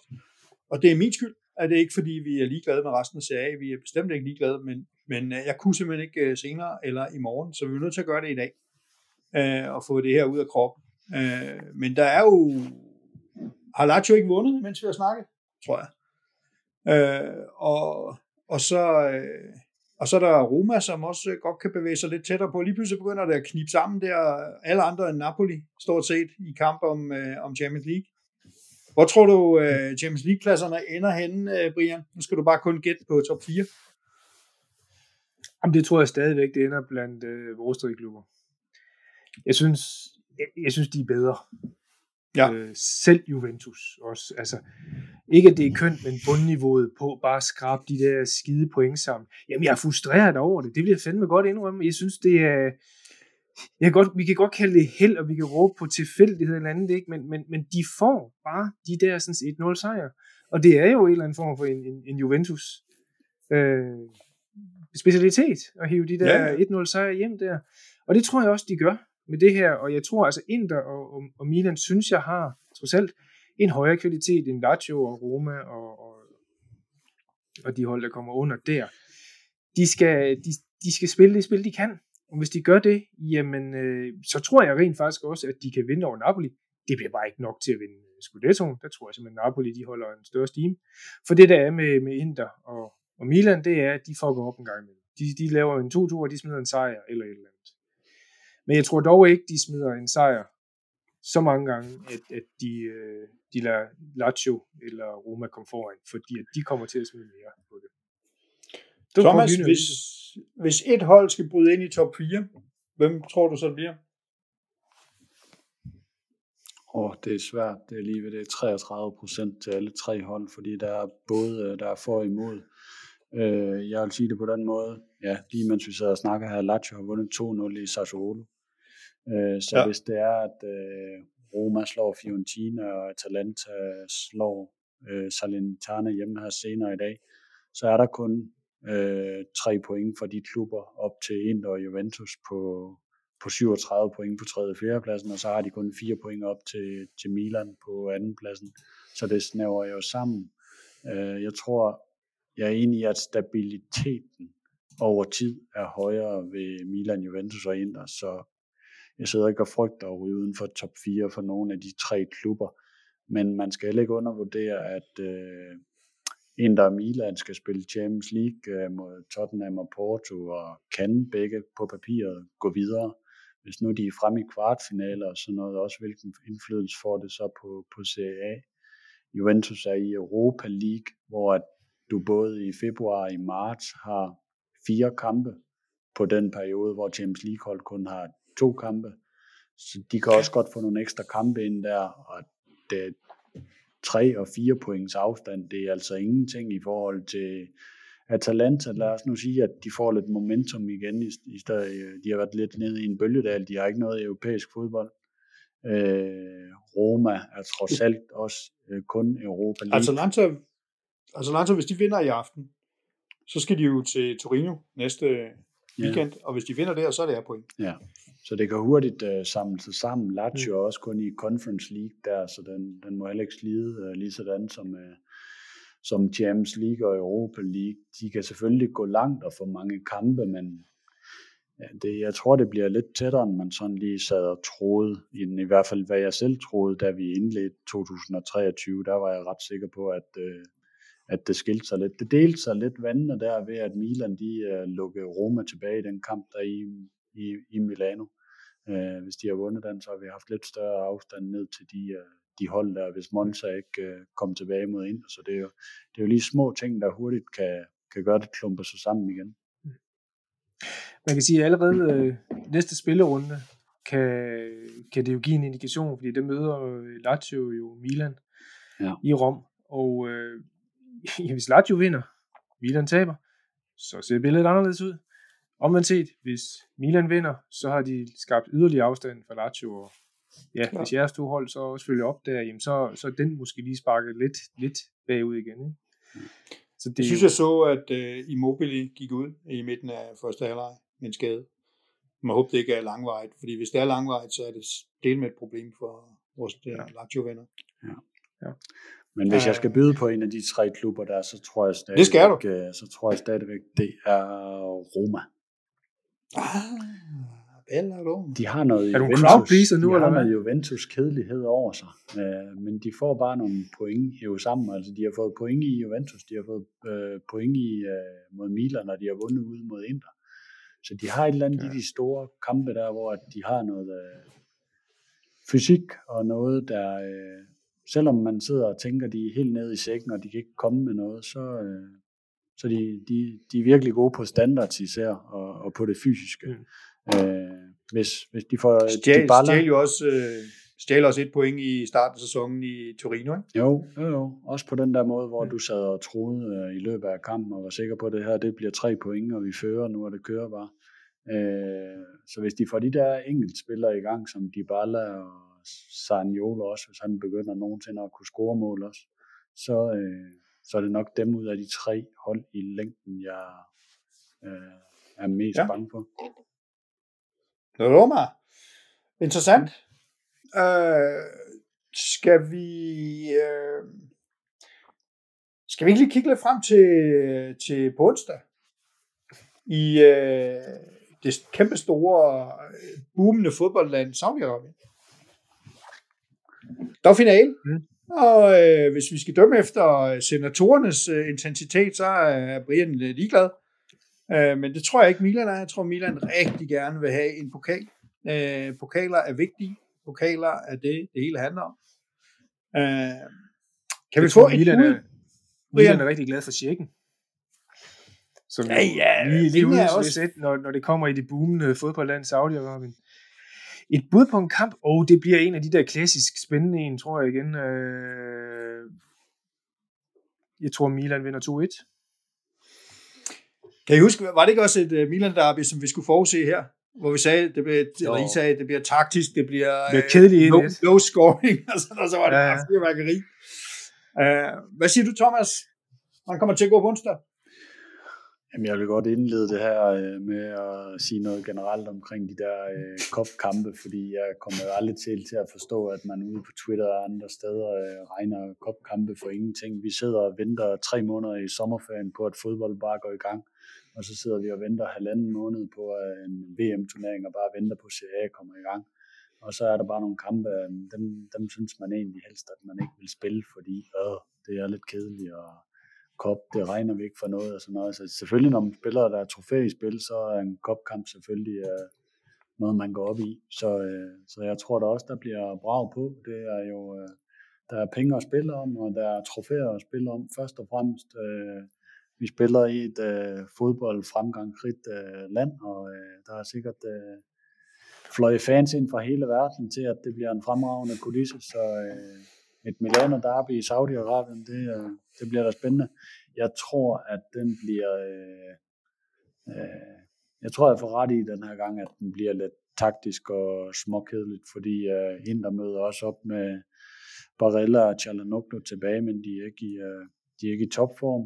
Øh, så øh, Lautaro og Diego bliver det sædvanlige der fremme, så vi kommer ikke med så meget nyt til den kamp. Øh, så øh, jeg tror, for Inter handler det om at stikke den der venstre side, og så, øh, og så øh, bliver det... Øh, Det har I jo gjort øh, med Napolis venstre side, så det kan I bare ja, gøre igen. Vi skal faktisk bare øh, gentage den der Napoli-kamp, og så spille lidt øh, henholdende, og så prøve at lade Milan komme frem den her gang, i stedet for de andre derbys, vi har haft, der har det været Inter, der er gået lidt frem og blevet en straffe på de der omstillinger, så nu skal vi øh, prøve at gøre det omvendt. Thomas, Jeg tror- øh, Brian sagde jo 2-1. Hvad siger du? Øh, jeg siger, sagde han 2-1 til Milan, Ja. så Mm. vender jeg den bare om. Men, men, men jeg, jeg, jeg vil komme med en anden forudsigelse på kampen. Altså det, der gør den spændende for mig, det er ikke så meget Copaen, og det, det, det er det mod Inter.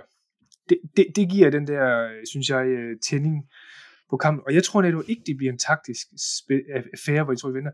Fordi både Inter og Milan har nogle spillere, der kan få det bedste og det værste op i sig. Vi kan jo bare tage Dumfries Theo, for eksempel. Ikke? Tonali, øh, Canaloglu, for eksempel. Altså, der, der bliver mange af de der dueller inde i kampen, som jeg tror vil give en tænding, som, som vil give øh, en god kamp, en, en spændende kamp. Om det kommer mange mål, det plejer det per definition ikke at gøre, for de er også meget påpasselige. Men, men jeg tror, at det vil blive en, en, en kamp, hvor øh, det går frem og tilbage, og der er masser af dueller, og meget intensitet, og meget, øh, meget knald på i det. Øh, og det er det, jeg tror, der gør, at det bliver en god kamp, man bør se. Ikke fordi det er så meget en koppe, og jeg har det også sådan, skulle man så tabe den, så er jeg mere ked af at tabe til Inter, end jeg er, at man har tabt en pokal der. Okay. Jeg vil jo gerne sige, som øh, nu får jeg det drejet over på Juventus igen, som en, der har set mange gang. Supercup, mange, mange Supercup-finaler, så kan jeg sige, at det er faktisk noget af det bedste, fordi hvis man taber, så kan man sige, åh, men det er jo bare Supercup. Det Mm. betyder ikke noget, det er jo plastik. Hvis man vinder, så kan man sige, at det her det er en pokal, det er starten på noget nyt, det er helt fantastisk, det er endnu en til pokalskabet. Så det er win-win. Uh, så I Men kan det- så det- gå frisk til sagerne. Men næste gang vi optager, og jeg står med pokalen der i hånden, så siger jeg også bare, det her, det er Ja. turnaround. Nu skal I. Kop, Nu skal I det er vejen til succes. Fuldstændig, ikke? Det er det.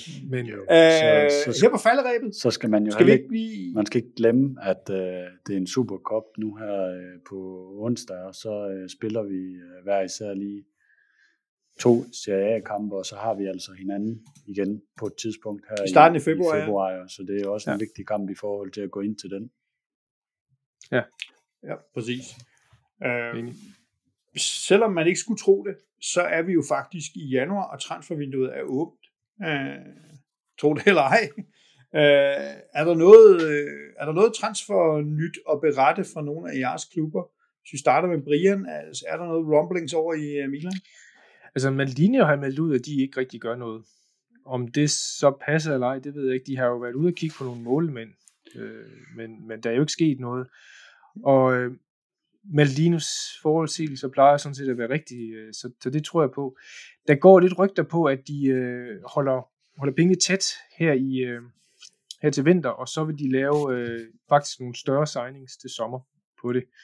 Om det er rigtigt eller ej, det, det ved man ikke. Øh, det er ikke fordi, der ikke kunne være behov for det. Der mangler godt nok nogle steder, som vi har været inde på, der kunne det. Men, øh, men øh, Mila har jo før vist tillid til de spillere, de har, og de skal bare have dem tilbage igen, og så kommer de. Og så er vi tilbage igen med Pioli. Han øh, har et stort arbejde, et større arbejde for sig den her sæson, end han havde sidste år ved at på påstand. Det bliver lidt spændende, hvordan han klarer det. Men, men nej, jeg tror simpelthen ikke, der kommer nogen indkøb. Nej. Og når vi siger indkøb, så mener jeg jo noget, der øh, forstærker første hold. Øh, ja. Altså, de der små ting gider jeg ikke at høre om. Nej. Øh, Thomas, har I noget stort i støbeskeen? Har I, er der kinesiske øh, yen, der brænder i lommen? Der kommer øh, ikke til at ske noget som helst, der er mit bud. Øh, der er de der sædvanlige øh, januar-rygter om, at øh, Gosen skal tilbage til Tyskland, og der er Bundesliga-klubber, der vil byde på ham og sådan noget. Men jeg tror, at han bliver i hvert fald det halvår her i resten af sæsonen, og så håber vi, at han laver sådan lidt en Christian Eriksen og vågner op i januar, efter at han har været i klubben i et år. Øh, ellers så, så skal det jo være sådan noget som, at Lukaku han brænder ned i morgen til træningen, og, øh, og har en muskelskade resten af sæsonen, at man er nødt til at hive et eller andet ind. Øh, der, så, er jo, øh, der er jo, øh, der er jo bøfchefen. Ja, Korea. Korea der, ja. Nej, det, det jeg tror ikke, der, der sker hverken noget ind eller ud øh, hos Inter i januar måned. Nej, Juventus, der kommer ikke til at ske i alverden. Der er lidt uh, rumblings om, at uh, vi gerne vil have nogle af de der legendariske plus Valencia dollars for McKinney, og også fordi han er en helt uh, ufattelig dårlig fodboldspiller. Uh, men, uh, men jeg tror nu ikke rigtigt, at hvis vores forventninger om 40 millioner euro rammer virkeligheden, og virkeligheden er 20 millioner euro og sådan noget, så tror jeg faktisk ikke, at han bliver solgt. Så tror jeg bare, at vi fortsætter frem til sommer. Vi har et hul, gigantiske dimensioner på højre kanten, altså der hvor Chiesa har været tvunget til at spille, kommer Dicilio og Quadrado tilbage, men det er jo ikke øh, det er jo ikke det, man drømmer om. Så, men jeg tror også først, det bliver til sommer, og man får noget ind der. Så, øh, så jeg forventer meget stille vindue. Den, den største nyhed, der kan komme på øh, Milans Mercato, det kunne jo være, at Bakayoko måske rejste. Man har helt glemt ham. Jamen fuldstændig. jeg tænker, jeg, jeg, snakker han om? ja, jeg kiggede også lige, fordi der, der har været åbenbart nogle føler ude fra Tyrkiet til ham. Øh, jeg tænkte, Bakayoko, Bakayoko. Gud, han er i Milan nu. Ja. Nej, jeg der var ikke der, at Pjaka, Marco Pjaka kommer tilbage til, til Juventus. Hvis nogen kan huske ham. Vi betalte jo, hvad, 30 millioner euro for ham? Eller noget. Altså, det er jo vanvittigt. Altså. Vanvittigt. Han har godt nok været en skandal. Jeg tror, det eneste, der bliver spændende fra Milano her i januar måned, det bliver, det bliver de der to forlængelser, der er i gang eller ikke er i gang. Øh, den er nok mere positiv hos Brian og Leao øh, forlængelse af, hvad jeg kan læse og se. Mm. Og så tror jeg, den er lidt mindre øh, i Inter hos Skriniar, men det bliver nok her i januar, vi finder ud af, hvad der sker der. I hvert fald med Skriniar gør vi, siger rygterne, at et par dage efter Superkoppen, at så kommer der nok en udmelding på, om pilen peger op eller ned der. Mm. Ja. Spændende. Og, og hvad er det? Er det stadigvæk PSG, der står med deres øh, store, fede oliedollars og lokker? Ja, de står jo nok med en sign-on fee på 12 millioner euro netto ned i lommen lige fra dag 1, og så tror jeg, jeg tror personligt, at øh, Knægten han gerne lige vil høre, om der ikke er nogen, der råber og skriger fra England, fordi jeg tror mest, det er der, han gerne vil, gerne hen, ja. hvis det er, han vil væk. Så øh, jeg, jeg, jeg tror, det er, jeg tror, det er dem, han kigger mere på. Øh, men det kan da også godt være, at han har lyst til at spille sammen med Messi og Mbappé til træning og få at vide, at du må ikke takle de to gutter der. Det, det tror jeg ikke lige, det passer skrinjer, men... Uh... Nej, nej, det er godt. Nej. Uh, yes, Juventus er også i kamp allerede på torsdag. Uh, vi har Monza uh, hjemme i pokalturneringen. Uh, minder om, at vi sidste gang uh, tabte 1-0 til Monza på et mål af Gytkær, efter at uh, Di Maria var blevet smidt ud. Så øh, vi har lidt at hævne, øh, og Monza er high flying. Øh, de har nappet point i Inter, og de øh, nappede, som jeg sagde, helt tilbage i starten, også lige tre point mod Cremonese. Så øh, det bliver ikke nogen walkover, men vi skal jo komme os tilbage og vise, at vi er, ikke er så utrolig ringe, som det så ud øh, mod de der napolitanske supermænd. Og vi håber på at se nye billeder af Super Ultraen Galliano, når øh, de vinder. Med grædende, gerne. Ja. øh, er, sidste, sidste, sidste ting. Er der, er der nogen af jer, der ved, om man kan se Supercuppen nogen steder, eller er vi ude på en russisk stream, eller hvad foregår der? Pas. Thomas? Pas. Nej, Pas. Skal jeg skrive til Er det ikke Ekstrabladet? noget ekstrabladet øh, måske kunne have... Ja. Nej, det er kun pokalfinalen. Jeg tror ikke Supercup så langt ned i posen, har de ikke øh, stukket hænderne endnu. Nå, men altså, Så vi du, må håbe på YouTube, ikke? du har jo været inde og kommentere for dem, så du må lige have nogle øh, kanaler, hvor du lige kan Mm. trække lidt i trådene, og så høre, om ikke de viser den kamp der. Så kan det jo være, at de sender dig ind igen for at sidde og være neutral øh, kommentator. Jeg bare sidder og svine rundt her, og sikkert de sejler rundt og sådan noget. Det vil være dejligt, men... Stikke øh, øremad derude der til højre og venstre. Nej, desværre, det, det har jeg ikke hørt noget om. Øh, vi må håbe på YouTube, og vi ikke øh, ender på en eller anden dum Ja. stream.